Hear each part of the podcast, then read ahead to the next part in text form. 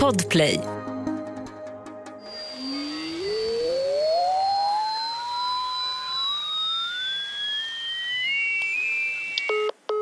Hopplösheten tog över och jag sjönk ner till golvet. Rösten i telefonen blev sista spiken i kistan. Och nu visste jag att det inte var något jag hittat på. Det var sant. Eller inte. Det var ju just det som var problemet. Jag kände tårarna leta sig fram medan jag tittade ut genom fönstret framför mig. Himlens blå sfär såg oändlig ut och hade varit inbjudande om det inte var för att det hände igen.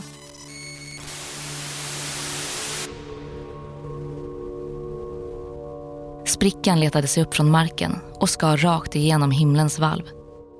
Som en ruta precis innan den spricker. Och i en kort sekund, innan allt tog slut, såg jag andra sidan.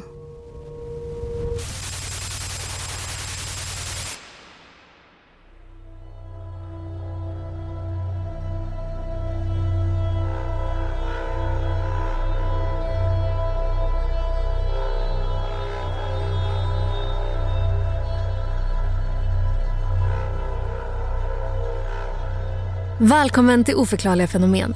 Ett program där jag, Evelina Johanna Och jag, Hilda Hense, tar med dig på berättelser om mystiska, märkliga och obehagliga saker som hänt folk över hela världen. Saker som inte alltid går att förklara.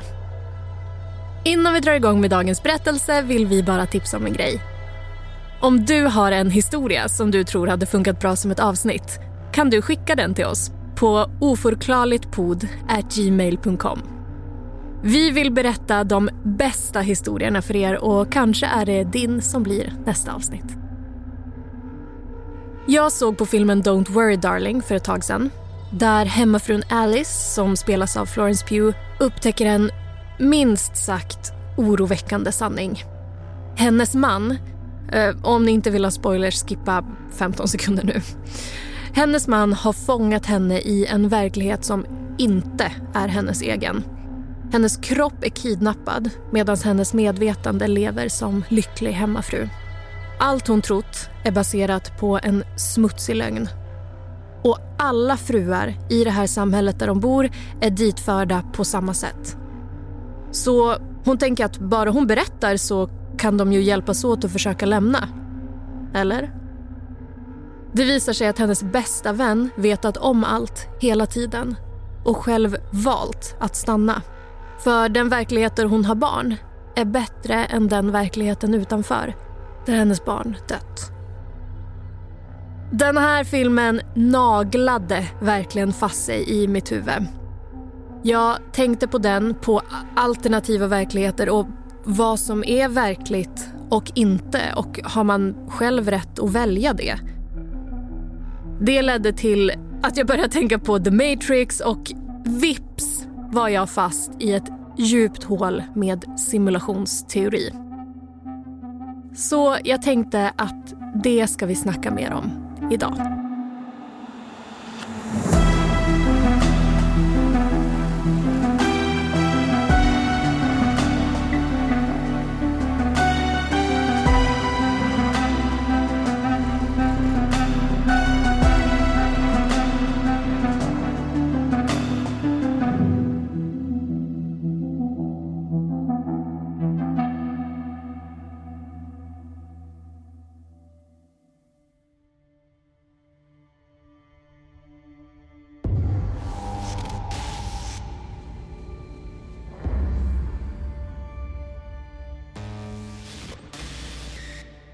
Människan har genom alla tider ifrågasatt vad hon ser omkring sig. Om världen runt oss har vuxit fram naturligt eller skapats av en högre makt. Genom historien har det funnits många teorier om hur verklig vår värld faktiskt är. Från Platons tankar om att allt vi ser egentligen är skuggor av verkligheten till filosofen Jungtses dröm om att han var en fjäril som fick honom att ifrågasätta om han faktiskt kunde lita på att han var en människa eller om han bara drömde det också.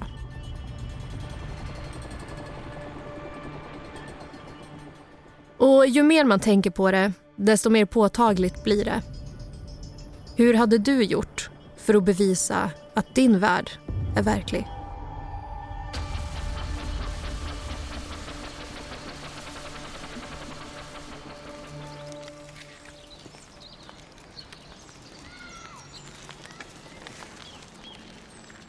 Första gången det händer är jag på väg hem från jobbet. Det är sista veckan i april. Våren är här och den grå vardagen har fått ett lyft av solens värmande strålar.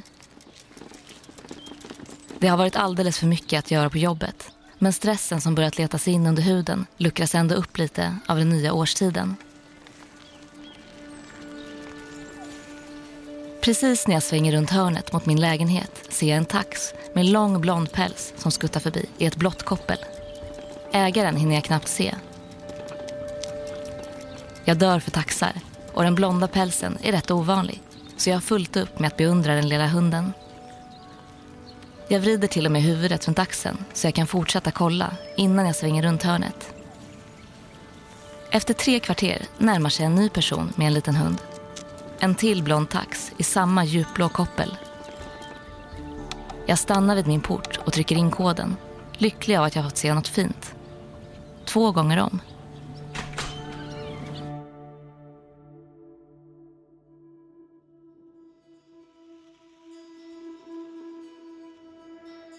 Har du någonsin sett någon gå förbi dig på gatan och sen en kvart senare sett en annan person som ser exakt likadan ut?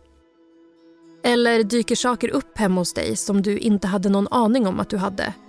Som om de uppstod ur tomma intet? Det finns en teori om att alla de här småkonstiga slumperna i vardagen egentligen är tecken på något mycket större än sammanträffanden.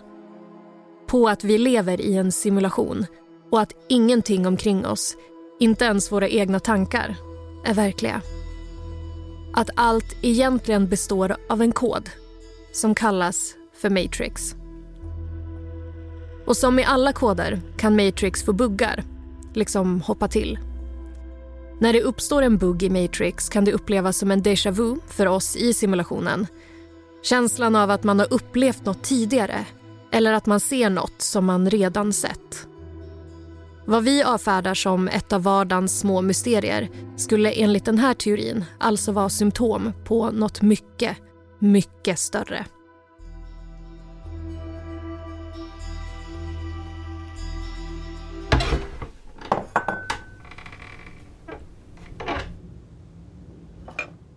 Plötsligt står min favorittekopp både i diskstället och i skåpet.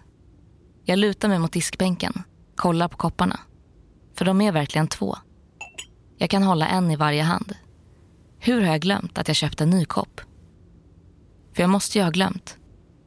Hur skulle den annars kunna stå här? Förvirrad tar jag en bild på båda muggarna och skickar till Tom, min bästa vän.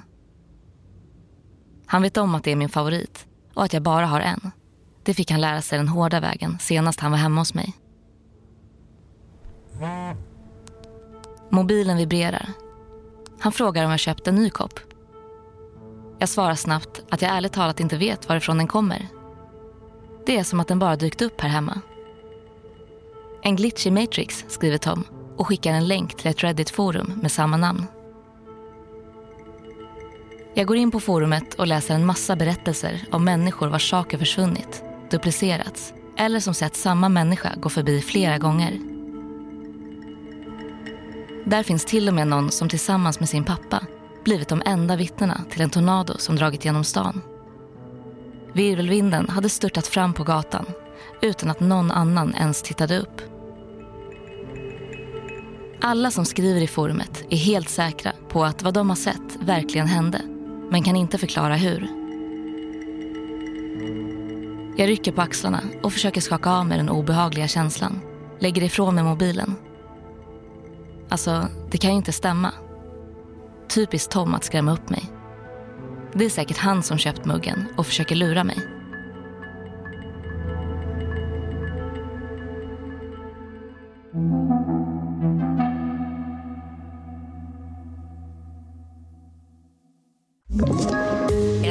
Poddtips från Podplay. I fallen jag aldrig glömmer djupdyker Hasse Aro i arbetet bakom några av Sveriges mest uppseendeväckande brottsutredningar. Går vi in med hemlig telefonavlyssning och, och då upplever vi att vi får en total förändring av hans beteende. Vad är det som händer nu? Vem är det som läcker? Och så säger han att jag är kriminell, jag har varit kriminell i hela mitt liv men att mörda ett barn, där går min gräns. Nya säsongen av Fallen jag aldrig glömmer på Podplay.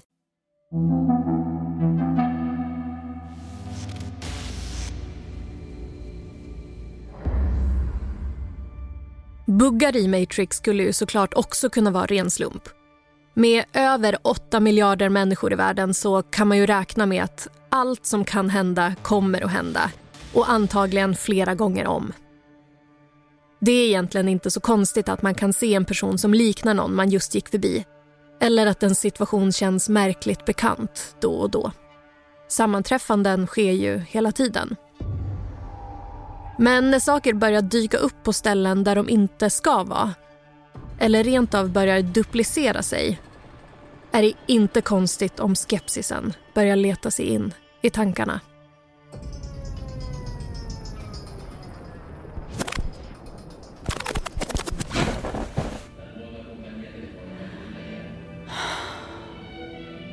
Veckan efter att min tekopp kopierades ska jag och Tom ha filmkväll.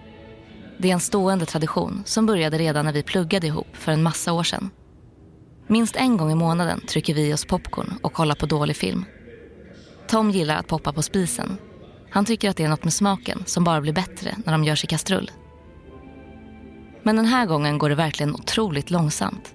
Kastrullen har stått där på plattan hur länge som helst, men ingenting händer. Jag har redan konfronterat honom om att jag tror att han försöker pranka mig med muggen. Att det ju bara måste vara han. Hur skulle det annars dyka upp en identisk mugg bara sådär? Men han lovar och svär att han inte har något med det att göra. Han frågar bara om jag gick in på forumet han skickade. Samtalet måste pågått längre än jag trott. För helt plötsligt är popcornen klara. Som att de gått från noll till hundra. Vi skämtar om att vi måste varit helt inne i samtalet. För ingen av oss hade hört ett enda majskorn poppa till. Vi sjunker ner i min soffa. Tom slänger upp benen på soffbordet och håller popcornskålen i sin famn.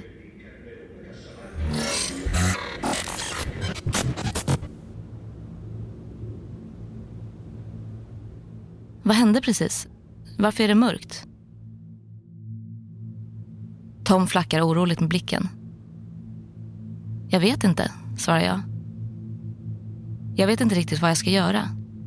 Han frågar vad klockan är och jag kollar mobilen. Siffrorna på skärmen visar 05.26. Den var strax efter 20 när vi satte igång filmen. Jag sitter exakt som jag gjorde. Tom sitter bredvid mig, håller skålen på samma sätt som han gjorde innan. Men på något sätt har nio timmar bara försvunnit. Jag är helt säker på att jag inte har sovit. Och Tom borde inte ha kunnat hålla kvar i skålen sådär. I några sekunder är vi bara tysta. Tills Tom tittar på mig och frågar igen. Läste du det där forumet jag skickade?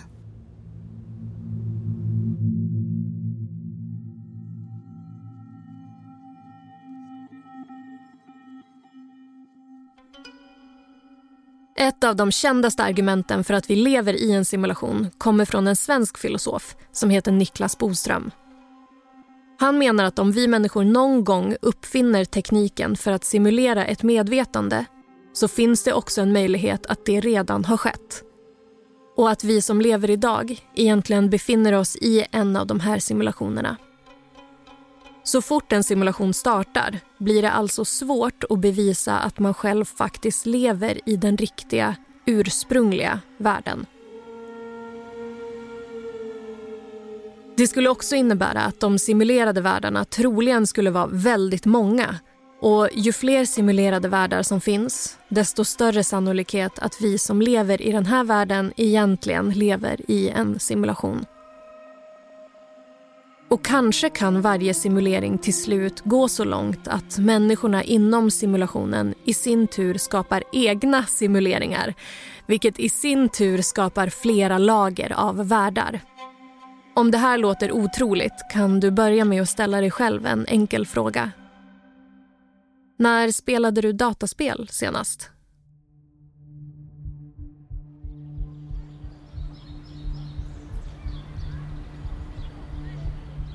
Någonting känns fel.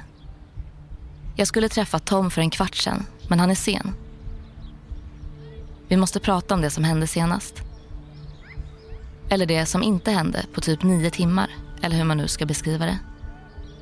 Jag tittar mig omkring på gatan. Allt ser ut som vanligt. En kvinna och hennes son köper mjukglass. Andra strosar runt i solen med solbriller på. Ett tonårsgäng går ner i tunnelbanan. Men trots idyllen är det något som gnager och stressen från jobbet följer nu med mig var jag än går. Synen känns utzoomad och det ringer konstant i öronen.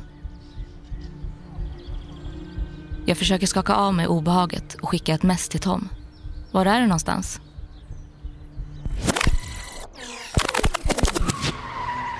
Så hör jag plötsligt en buss bromsa in hastigt och tittar upp från telefonen för att se vad som händer. Jag måste hålla för ögonen mot solen som lyser rakt mot mig för att kunna se något. Och när ögonen väl vänjer sig vid solljuset stelnar jag till. För precis ovanför vägen, där himlen möter marken, ser det ut som sprickor. Sakta men säkert luckras himlen upp, som is eller glas. Sprickan blir högre och bredare, sträcker sig upp mot solen. Mitt hjärta börjar bulta. Det ser så omöjligt ut, men känns så verkligt. Jag börjar kippa efter andan, men det känns som att jag inte kan få ner luft i lungorna, hur jag än försöker. Benen känns som gelé och efter tre steg bakåt snubblar jag och faller. En äldre man kommer fram och frågar om jag är okej. Ser du det där? får jag ur mig och pekar mot sprickorna. Mot hålet som öppnar sig i himlen. Gubben kollar dit jag pekar och så tillbaka mot mig med en rynka i pannan. Vad menar du? svarar han. Jag kollar tillbaka mot himlen dit jag pekar. Plötsligt är den hel igen. Ser ut precis som vanligt. Jag blinkar, gnuggar ögonen och tittar mot horisonten igen. Men såg du verkligen ingenting? får jag ur mig. Mannen tittar medlidande på mig och lägger en hand på min arm för att lugna mig. Det har samlats en liten grupp människor omkring mig och stirrar på mig där jag sitter på marken och svamlar om himlen. Kvinnan som köpt glass med sin son skakar lite på huvudet, tar sin son i handen och drar bort honom. Den äldre mannen erbjuder mig lite vatten. Jag tar en klunk men sitter kvar på marken. Vad är det som händer med mig?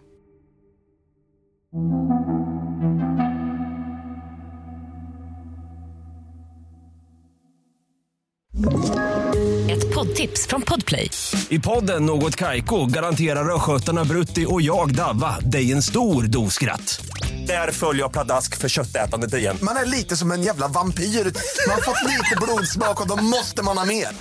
Udda spaningar, fängslande anekdoter och en och annan arg rant. Jag måste ha mitt kaffe på morgonen för annars är jag ingen trevlig människa. Då är du ingen trevlig människa, punkt. Något Kaiko, hör du på Podplay. Därför är gardinerna.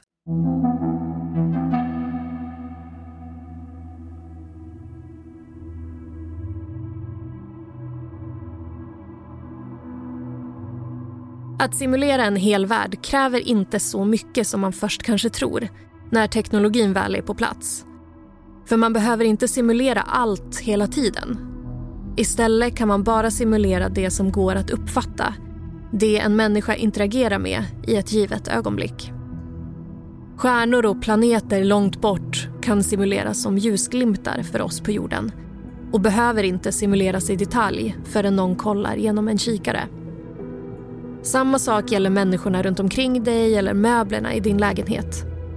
De behöver inte simuleras så länge du inte interagerar med dem. Precis som i ett dataspel är de i väntläge tills de behövs i din verklighet.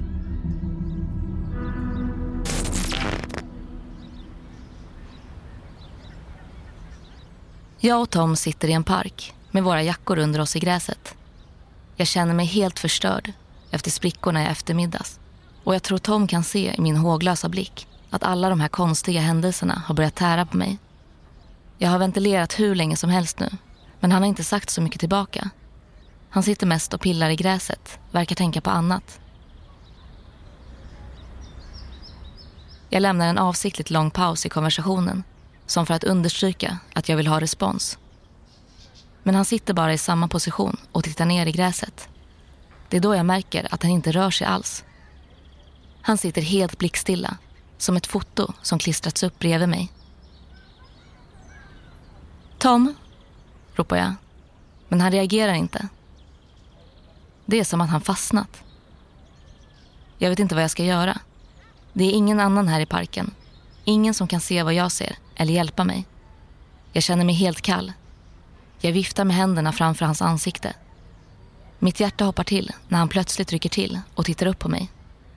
Vad hände? säger han släpigt, som att han precis vaknat. Jag tittar på honom noga, försöker läsa av hans ansikte. Han tittar på mig med en tom blick en stund innan han reser sig, tar sin jacka och går. Jag sitter kvar, händerna halvt utsträckta mot honom och helt stel. Det är som att allting går sönder.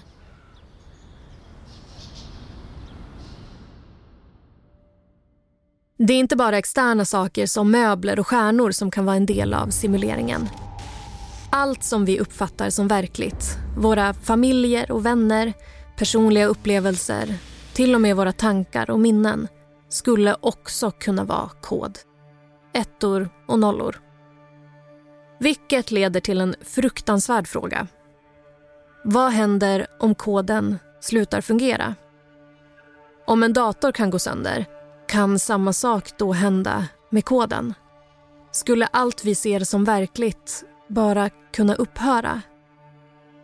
Och vad finns det i så fall på andra sidan när kodens slöja dras undan?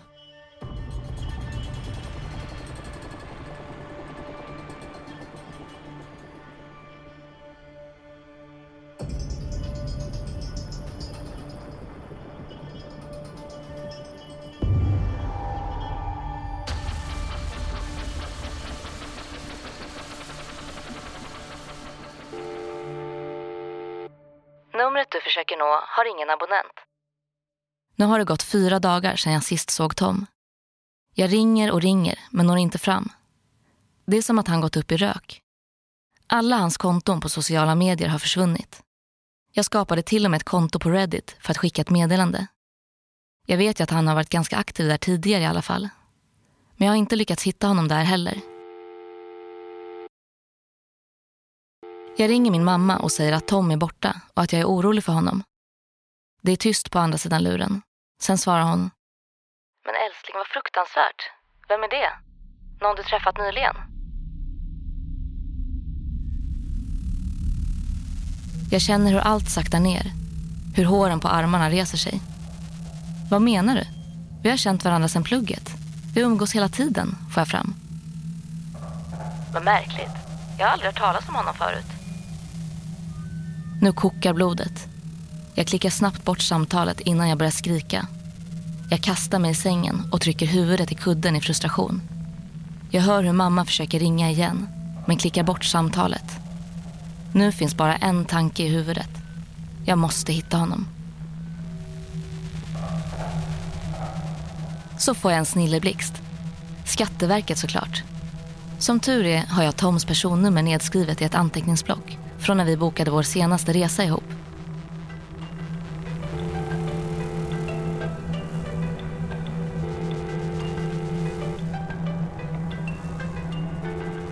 Efter en telefonkö som känns som den tar flera år kommer jag fram. Jag säger Toms personnummer, men kvinnan i andra änden säger att det inte finns någon person kopplad till det numret. Jag frågar vad det betyder, om det betyder att Tom är död. Någon kanske har kidnappat och mördat honom och raderat alla hans konton, hinner jag tänka innan kvinnan på Skatteverket svarar. Nej, ingen är dödförklarad. Det betyder helt enkelt att det inte existerar någon med det här personnumret. Och det har inte heller gjort det tidigare.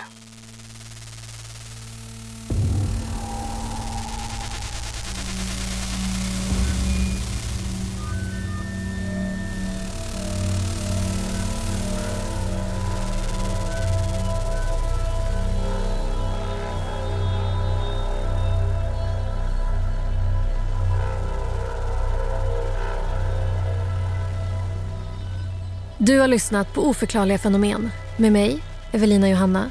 Och mig, Hilda Hense. Glöm inte att följa oss på TikTok där ni kan höra mer om buggar i Matrix.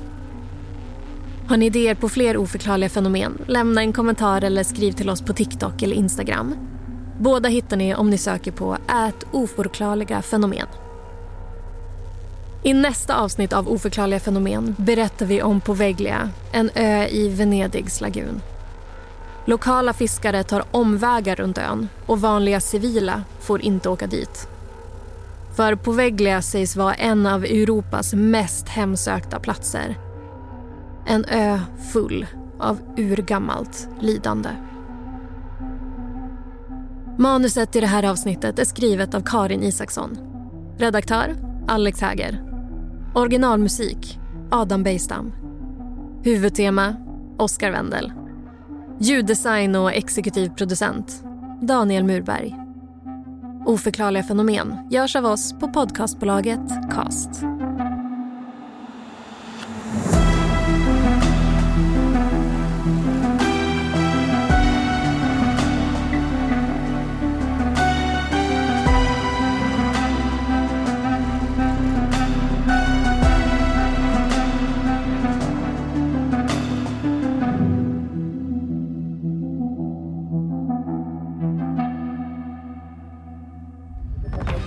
Podplay, en del av Power Media.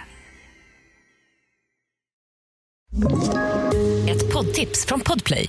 I podden Något Kaiko garanterar östgötarna Brutti och jag, Davva, dig en stor dos skratt. Där följer jag pladask för köttätandet igen. Man är lite som en jävla vampyr. Man har fått lite blodsmak och då måste man ha mer. Udda spaningar, fängslande anekdoter och en och annan arg rant. Jag måste ha mitt kaffe på morgonen för annars är jag ingen trevlig människa. Då är du ingen trevlig människa, punkt. Något Kaiko, hör du på Podplay. Därför är gardinerna.